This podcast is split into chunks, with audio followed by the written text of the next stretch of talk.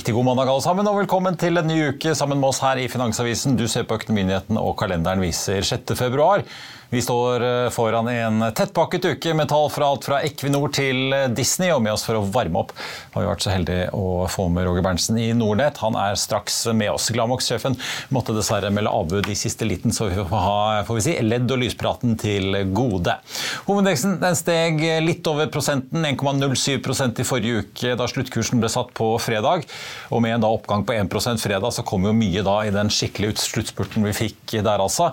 På en eh, ukeslutt slutt da Wall Street endte ganske solid ned etter da disse famøse sysselsettingstallene, non-farm payrolls. Men fortsatt får vi se ganske mye opp for det meste i USA for året. Fortsatt særlig da tech-sektoren har gjort det bra. I dag har hovedindeksen her hjemme falt eh, nesten tre kvart prosent. Vi ligger ned 0,6 eh, nå, og for året er vi dermed opp 1,2% Fortsatt altså et stykke bak ikke bare en del indekser i USA, men også da særlig europeiske og asiatiske indekser som har gjort det ganske stødig. Futures på Wall Street peker mot en fortsatt nedgang etter fallet på fredag. Rundt oss i Europa i dag så er det også stort sett eh, rødt på de fleste indeksene, med unntak av Københavnsbørsen som er litt opp. I Asia endte det også stort stort sett ned, med unntak av Nikkei-indeksen i eh, Japan. Oljeprisen gjør det bra i dag, opp nesten halvannen prosent på nordsjøoljen. Og det har jo da løftet oss opp over 70-tallet igjen, som vi var så vidt nedpå på fredag. Nå ligger spotprisen på et fat nordsjøolje opp ja, til og med nesten 1,8% til 81,15. Den amerikanske lettoljen også opp. Den stiger en trekvart eh, prosent til litt over 74 dollar fatet. Norwegian gjør det bra i dag, stiger en halvannen prosent. I morges la flyselskapet frem sine trafikktall for januar måned og trakk frem den positive bookingtrenden de ser og har sett over tid. Det er jo egentlig lavsesong i januar, men konsernsjef Geir Karlsen påpeker i trafikkrapporten at eh, det har vært mange fulle fly for Norwegian til sydligere strøk i januar etter en nyttårskampanje. Han påpeker også at flyransatte er hjertelig velkomne til å søke jobb i Norwegian der da, etter den den triste konkursen vi så i forrige uke. Og så vet vi jo da at SAS har tilbudt eh, kabinansatte i Flyr jobb hos dem nå før den hektiske sommersesongen snart er på trappene. Både Norwegian og SAS har jo for øvrig tilbudt eh, rabatter til strandede flyrpassasjerer. Hvis vi ser på trafikktallene da, så fraktet Norwegian altså 1,1 millioner passasjerer i januar, med en fyllingsgrad på 77,7% I november og desember så var henholdsvis passasjertallet 1,4 og 1,3 millioner, så litt grann ned, men fyllingsgraden var ikke så verst. 79,5 og 77,8 da i november og desember, så man ligger ikke så langt unna de eh, nivåene. Gildinntjeningen altså per passasjerkilometer, endte på 59 øre. Det er noe under DNBs estimat på 61. Og Ryddingen etter Flyr-konkursen den er i gang for fullt. Som vi viste på Børsmorgen i morges, så var leasingselskapene og hentet det første flyet i Flyr-flåten på tolv fly allerede på fredag. Og det som ble hentet, var altså en av de eldre 737-800 flyene i den såkalte NG-serien til Boeing som utgjorde da den første delen av Flyr-flåten som ble satt i drift da i 2021. Flyr inngikk også en avtale med leasingselskapet ALC i slutten av 2021 om å leie ytterligere seks fly av Boeings mest moderne kortdistansefly, 737 Max, fly som ble levert da i første halvår i eh, fjor, inn mot sommersesongen for 2022, altså. Flyr hadde også en opsjon som de benyttet seg av i mai i fjor, på fire fly til, som skulle vært levert nå i 2023, og dette ville da løftet flåten opp fra 12 til 16 fly i år. Slik gikk det jo ikke, og etter, nei, eh, unnskyld, etter børsåpning i dag så meldte Norwegian at de har inngått en intensjonsavtale med nettopp ALC, eller Airlease Corporation, om å leie disse seks eh, nye 737 Max 8-flyene. IR og kommunikasjonskontakt Norwegian Espen Thuman bekrefter nemlig overfor Finansavisen at flyene som overtas av Norwegian fra ALC, nettopp var fly som ble brukt av Flyr tidligere. Før vi kjører videre, så vil jeg bare minne om at hvis ikke du rekker å se denne sendingen, så kan du også høre den og søke opp Økonominyhetene på Spotify, Apple Podkast eller ved å gå inn på f1-podkast. Det har jo vært litt uh, trøbbel med Johan Sverdrup-feltet i Nordsjøen den siste tiden. I dag kom det melding fra olje- og gasskjempen Equinor om at det er nye problemer igjen. Denne gangen skal det være et kjøleanlegg som har tekniske problemer som gir midlertidig produksjonsstans på fase 1 av Johan Sverdrup. Det har jo vært uh, noen utfordringer med kraftforsyningen som har gjort at uh, fase 2 av feltet, som er den nyeste delen av gigantfeltet, hadde problemer litt tidligere. Dette er jo et felt som produserer godt over en halv million fat olje per dag, og er sånn sett en svært viktig brikke av den norske oljeproduksjonen. Nell er i vinden i dag. De har signert en kontrakt på 130 millioner kroner med High CC for deres eh, får vi si, H2 Eron-prosjekt i Nederland. Aksjen er likevel ned 0,1% i dag. Og så får vi ta med mikrobatteriselskapet Ensurge Micropower ned over 30% etter en melding om at selskapet nå skal gjennomgå alle kostnader med mål om betydelige kutt. I tillegg meldes det at Mark Newman tar over som midlertidig sjef i selskapet. Og så får vi også slenge med Swipe. Ble fredagens vinner med en oppgang på nesten 15% etter kvartalspresentasjonen. Mandag styrkes aksjen ytterligere, 9, litt over 9% til 6,23. Og så har det kommet litt eh, nyheter fra andre siden av dammen i dag. I disse får vi si, nesten endeløse nedbemanningene som vi ser i teknologibransjen. Denne gangen er det Dell som er ute og skal kutte drøye 6500 ansatte, eller eh, nesten 5% av arbeidsstokken. Det er jo ikke så langt unna de tallene vi har sett fra andre store aktører som bl.a. Microsoft og Salesforce. Vi skal ta inn dagens gjest og er tilbake rett etter dette. Vil du bli oppdatert på det viktigste som har skjedd innen finans og næringsliv? Da er det bare å følge med, for hver morgen er jeg, Marius Lorentzen og aksjekommentator Karl Johan Malnes på plass i studio for å ta tempen på dagens marked i Børsmorgen. Og hver ettermiddag oppsummerer vi alt du trenger å vite i økonominyhetene, og det blir selvfølgelig masse interessante gjester. Klikk deg inn på fa.no-tv, eller søk opp Børsmorgen og Økonominyhetene der du hører på podkast.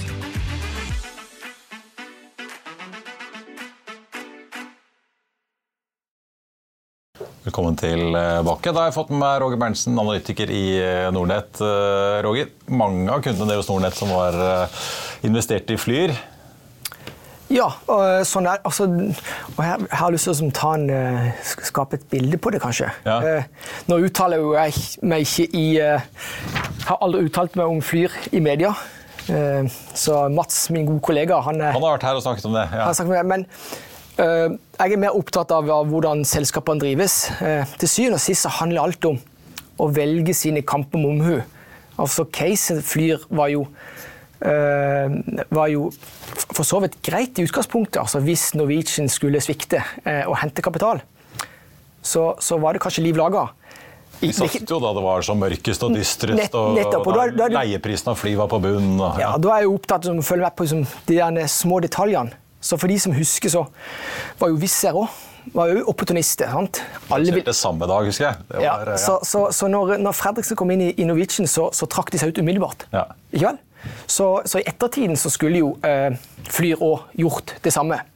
Sånn at eh, Ja. Og, og, og, sånn gikk det.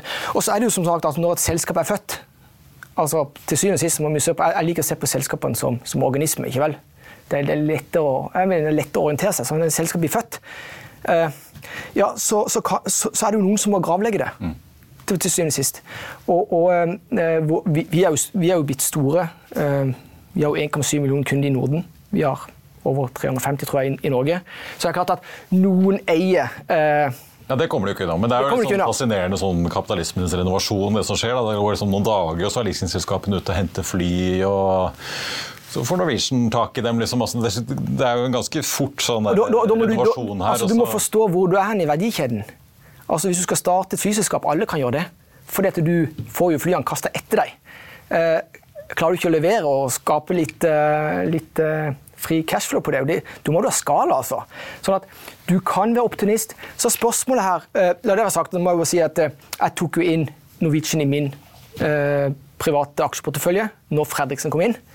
Eh, jeg hadde jo vært inne og forvalta et fond, eller et, et, et diskresjonært mandat in, back in the days i, i nettfondstida, for de som husker at jeg var i, i nettfonds. Fusjon med Nordnett. Ja. Og da, forsvant vi ut. altså Var vi jo inne uh, der og had, var relativt uh, stor. Jeg tror vi hadde en halv prosent av selskapet i det mandatet fra 2012 til 2014.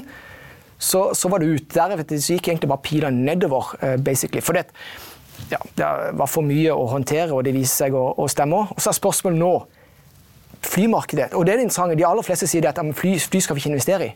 Ehm, det er jo en veldig enkel måte å skape en overskrift på. Og, og si risiko, ja. Og det ser jeg dere, både i DN og i og Finansavisen og, det, og, hvor som helst, så er det jo en veldig enkel måte å si på det. For historien har vist du taper penger i fly. Mm. Men det er helt inntil du ikke gjør det. Så hvis du følger som hvordan det flymarkedet i USA har gått, Uh, nå, nå, har jo det nesten, nesten, blitt fordelt på fire spillere. Ja, Det er jo mye mer konsolidert. Nettopp. Og da er spørsmålet det at uh, jeg tror de fleste kanskje har lært nå. Uh, og hvem vet? Kanskje det, kanskje, det det er kanskje det er dette som er vendepunktet for at det skal bli litt lønnsomhet for de aktørene som er. Og da, bli, da ligger det jo i kortene Norwegian og SAS i Norden vi får se. Vi får anta at SAS kommer seg gjennom chatterlettet. Vi, vi, får se. Men Roger, vi, eh, grunnen til egentlig var Nå må vi snakke oss helt bort, for vi skal jo egentlig snakke om hva som skjer denne uken. Ja, men du la jo en lissepass. Jeg la en lissepass på, på Flyr Norwegian. Ja. Eh, skal vi bare ta non-farm payrolls først? Langt høyere enn ventet eh, jobbveksten i USA i januar. 517 eh, 000 nye jobber utenfor landbruket mot 187 190 000 ventet. Ledigheten tikket ned 0,1 til 3,4. Hvordan tolker du det? Sitter du og venter på Jerome som bare skal banke inn en renteøkning til, eller hvordan tror du dette vil utspille seg? Først og fremst, ja, helt rett. Altså, Sentralbanken i USA er jo spilleder. Altså, hvis du kan kalle noen spilleder. Så, uh, de har jo eh, kjempa knallhardt mot inflasjonen det siste året. Uh, for de som er litt interessert, så kan du lese hva som er de langsiktige inflasjonsforventningene. Det kan du lese i obligasjonsmarkedet. Uh, og de var oppe i over 3% Tiårsinflasjonen, altså forventningene i USA var oppe i over 3% i mars-april i fjor. Og det var da eh, Fed begynte virkelig. Da begynte å slå. Ja. Og det tror jeg de hevte fire ganger 0,75. Kom fire på rappen, ja. og vi så kom vet, en halv, eh, ja, en halv en på i desember. Sant, så vet vi jo det at, eh, sant, Og der er jo matematikken for den som er interessert òg. Det er jo matematikken, altså Har du all din fremtidige kontanter i, i, i, i framtida, så, så er det matematikk. Du blir straffa. Tech-aksjer ble straffa fordi de tjener ikke noe i dag, de har, skal tjene noe i framtida. Og så tar det tid. Altså, eh, eh, det tar jo tid for at sånn rentejusteringen skal få effekt reelt i økonomien. Men forventningene har jo kommet kraftig ned. Så de er jo nede på rundt 2,3 nå på ti års sikt. Og det er ikke så halvgalt. Vi har vært i perioder hvor det har vært helt fint. Vi hadde jo sånn periode eh, tidlig 2000-tallet. For de som husker Kina ble innlemma i WTO. Så ble det skikkelig fart i verdensøkonomien. Uh, og, og, det gikk jo veldig bra. Ting tikka oppover uh, i den perioden også. Så jeg er ikke sånn, sånn supernervøs for, uh, for ledighetstallene som mange er. Nei. For det at Hvis du ser på den, den trenden som, som på forventninger på inflasjon i USA, den, den, rikt, den, går i riktig retning. Jo, arbeidsmarkedet er jo noe Fed er veldig opptatt av. da. John Powell står og snakker om eh, at det er ubalanse, ubalanse, ubalanse. Ja, men altså, hvis du har... Inn og utpust virker det som. Ja, men hvis det, det er jo jobben din. Ikke vel? Så er klart han skal være opptatt av det. det ville at hvis han kommer og fortalt, altså meg og deg, Vi kan bare fortelle mye skrøne her i, i, studio, men han kan jo ikke det. Nei. Så, men, men, det om, du, om, du skal, om, du, skal, bli nervøs og redd Vi så jo at det var jo gevinstsikring på fredag på Wall Street. Nasdaq falt 1,6% men de steg jo 3,3 altså på torsdagen, så I'll see you in court. Vi sier det ofte litt på spøk, men for deg som driver business, er det aldri moro å innse at du ikke har laget en 100% gyldig kontrakt. Du bør ikke risikere hele firmaet ditt fordi du synes dette med kontrakter er litt stress. En avtale er ikke en avtale. Du kan miste kunder, miste venner, ja, til og med miste inntekter om du ikke lager en skikkelig kontrakt, på alt mulig, egentlig. Men vi vet det er et styr, kopimaskiner, tregprinter og haugevis av papir. Dessuten stoler vi jo på folk her i landet. Det er ofte litt kleint å skulle be om en signatur for alt mulig, ja, for mye av styret handler også om jakten på underskriften. Det finnes en enkel måte å løse dette på, Dukkobit. En trygg, effektiv og get this, gratis måte å sikre seg en god natts søvn pluss en juridisk bindende avtale. Dukkobit-appen har de strengeste sikkerhetskrav i bunn, samt en EU-godkjent og sertifisert teknologi. Framover vil det bli behagelig å spørre du, skal vi skrive under på det, eller? Kom i gang på dokobit.no. Det er viktig å holde hodet kaldt, tror jeg. Ja, og det er kanskje en del nettopp det, en del snakk fra Fed litt bevisst for å slippe å øke renten så mye? Det hadde mye vært verre hvis f.eks.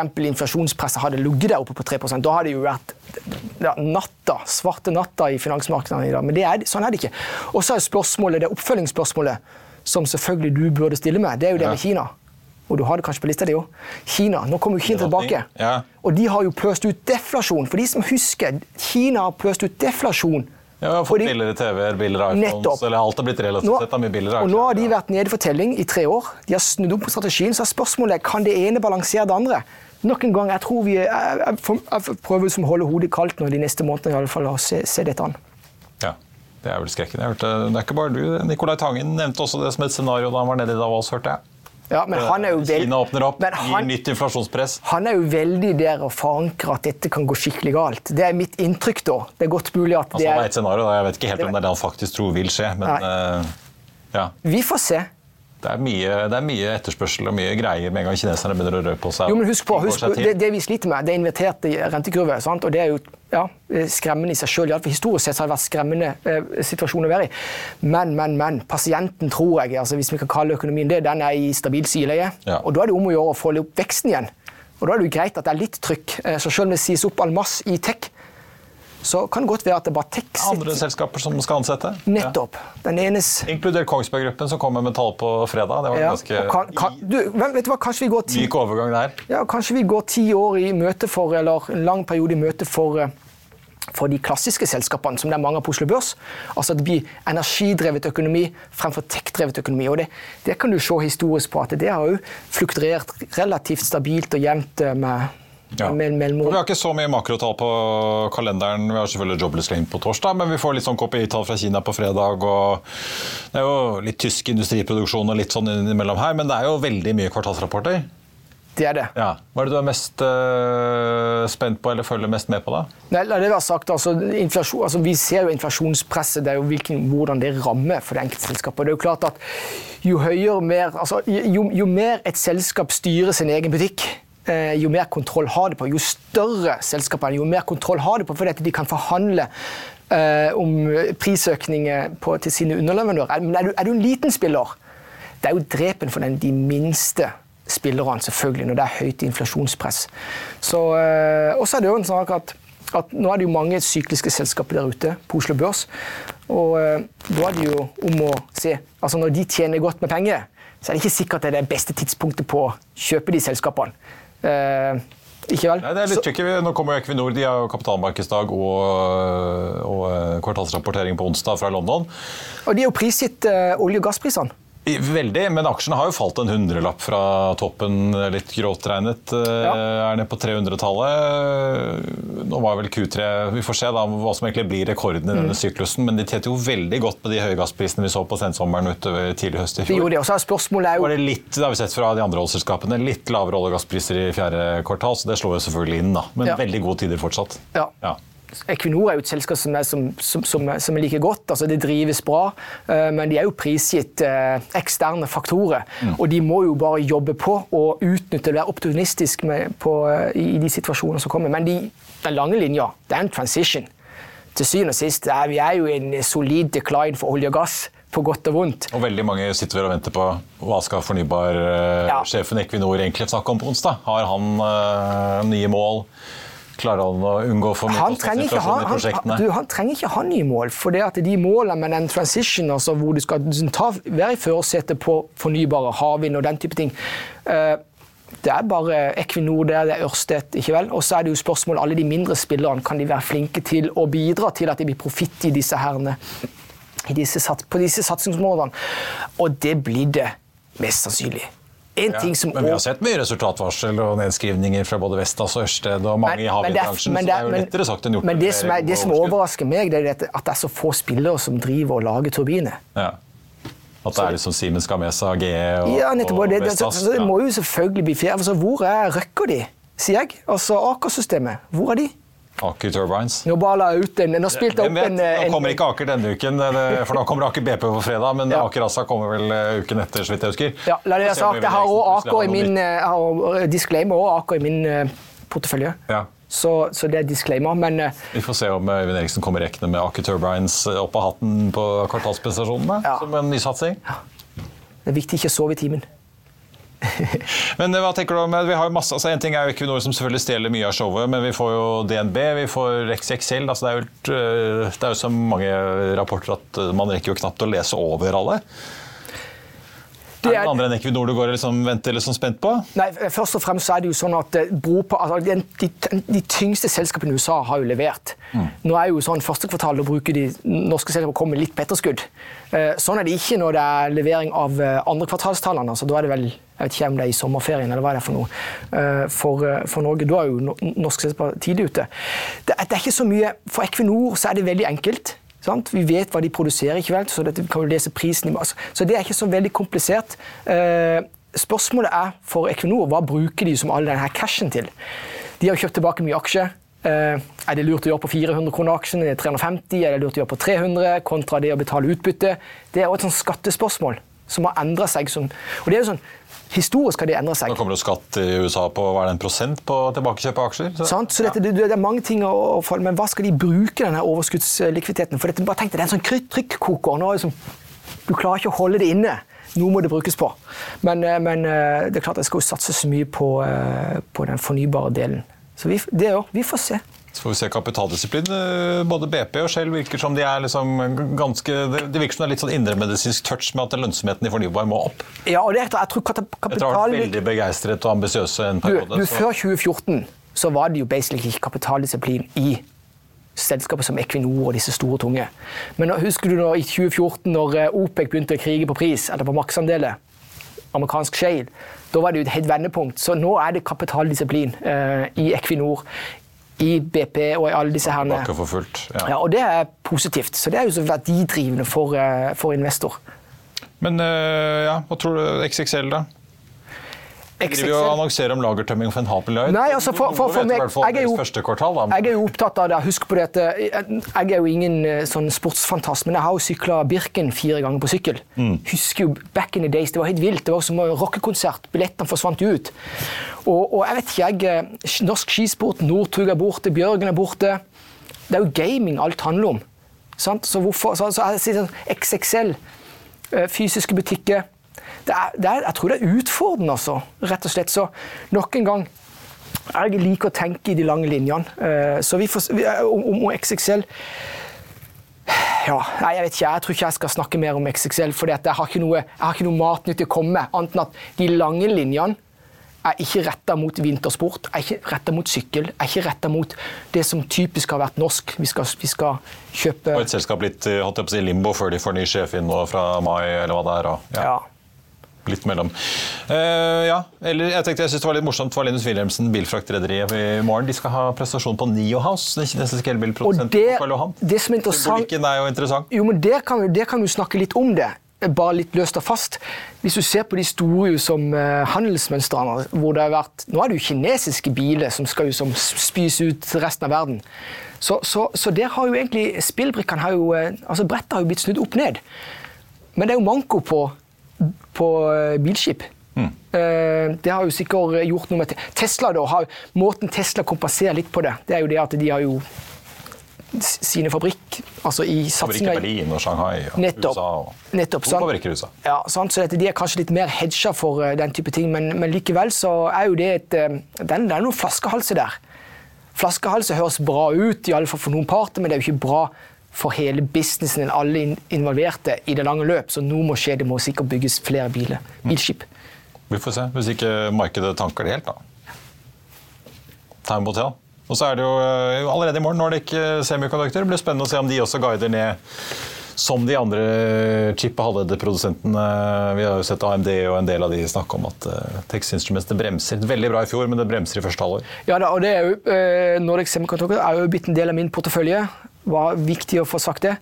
Uh, men iallfall hele den Eh, den sektoren, industrien, har jo fått seg en sånn Pga. den geopolitiske risikoen ikke vel, mellom øst og vest og Kina og USA. Eh, så nå skal jo det bygges opp kapasitet eh, på, på sin egen banehalvdel rundt forbi. Så det vil sikkert gjøre noe på, for, for den industrien i det korte bildet. På lengre sikt. Det inngår jo alt vi gjør. Sånn er det. Så det, så, noe... så, så det, er noe som jeg har som langsiktig veldig tro på. Om det er Nvidia, Uh, press, i press i leveransekjedene for Nordic kan jo være det løsner litt igjen når de andre mm. Og du husker på til syvende og sist så er det jo det at hvis det skal være noe effekt i noen av disse her produktene til selskapene, så må du gjøre verden til bedre eller mer effektivt sted. Ja. Sånn at vi alle får uh, litt, litt, mer å rutte med. Uh, i forhold til lommeboka i dag. Og, og da er jo denne her tech, eller den delen av, av industrien er med på å faktisk effektivisere verden, og det er positivt. Roger Berntsen, tusen takk skal du ha. Det blir nok å følge med på det gjør det. Du får nok å skrive om i morgenrapportene dine. og Så får vi jo trafikktallene fra får vi si, SAS og Finner i uh, morgen. Der er det bare å stryke da fly som egentlig skulle kommet med sine trafikktall, men det blir vel uh, får vi si, neppe noen uh, børsmelding der. Hva er det ønsker om aksjer vi skal analysere, send en e-post til tvtips at finansavisen.no. På tampen av sendingen tenkte jeg bare å ta med en liten oversikt over de aksjene som har kommet med litt, eller de selskapene hvor det har kommet litt nyheter i dag. Det har kommet en kontraktsnyhet fra TGS på Mexicogolfen, hvor de skal ha en uh, seismisk undersøkelse uh, som også starter opp i tredje kvartal. Den aksjen er ned en halv prosent i dag. Og så har vi jo da Sparebank1-gruppen. De kom jo med litt dårligere enn ventet tall litt Eh, tidligere i eh, dag. Og så har vi jo eh, da Norwegian, som får vi si, tar over da seks av Flyrs fly. Nå gjelder det å holde tungen rett i munnen av typen da Max, de mest moderne og de nyeste flyene som Flyr hadde i flåten like før de da gikk konk. Norwegian opp 3 eh, eh, nå på tampen av dagen. Også da får vi si med litt eh, sannsynligvis medfart av trafikkrapporten. Men aksjen har steget jevnt og trutt utover dagen. Hovedindeksen på Oslo Børs ned 0,6% nå på ukens første børsdag, med en veldig solid oljepris som igjen er over 80 dollar fatet etter at vi så vidt så den bikke under ned på syvtallet da på fredag i eh, forrige uke. På listen ellers over de mest omsatte aksjene. Equinor og Aker BP begge ned eh, rundt prosenten nå fra, eh, ja, fra starten av uken. De kommer jo da med tall på henholdsvis onsdag, så kommer da Aker BP på fredag. PGS også da veldig mye omsatt i dag. På tredjeplass ned 2,3% og så har vi DNB ned 0,3 før deres kvartalsrapport litt senere i uken. Så har vi Nordic Semi som er ned og veldig mye omsatt, da 3% også godt opp på listen over mest omsatte aksjer før de kommer sin rapport i morgen. Det blir eh, mer om tullball om strømstøtte i Finansavisen i morgen hvis du leser Trygve Egnars leder. Da blir det også børsintervju med Jon Olaisen og om lavere resultater i fremtiden. Du kan lese om det med Markets sin aksjeportefølje og om en budkrig i gullbransjen. Så eksotiske får vi si, nyheter der, altså. Det var det vi hadde for deg i denne sendingen. Husk at vi er tilbake igjen med Børsmorgen 08.55 i morgen, da med Hans Erik Jacobsen i Nordea. Og deretter blir det Økonominyheten 14.30, der vi skal snakke med en av børsens nye debutanter, får vi si. Seacrest Petroleo, som også statser på oljevirksomhet på land i Brasil. I mellomtiden så får du som alltid siste nytt på F1. Mitt navn er Marius Lorentzen. Tusen takk for at du så eller hørte på, og så håper jeg vi ses igjen i morgen.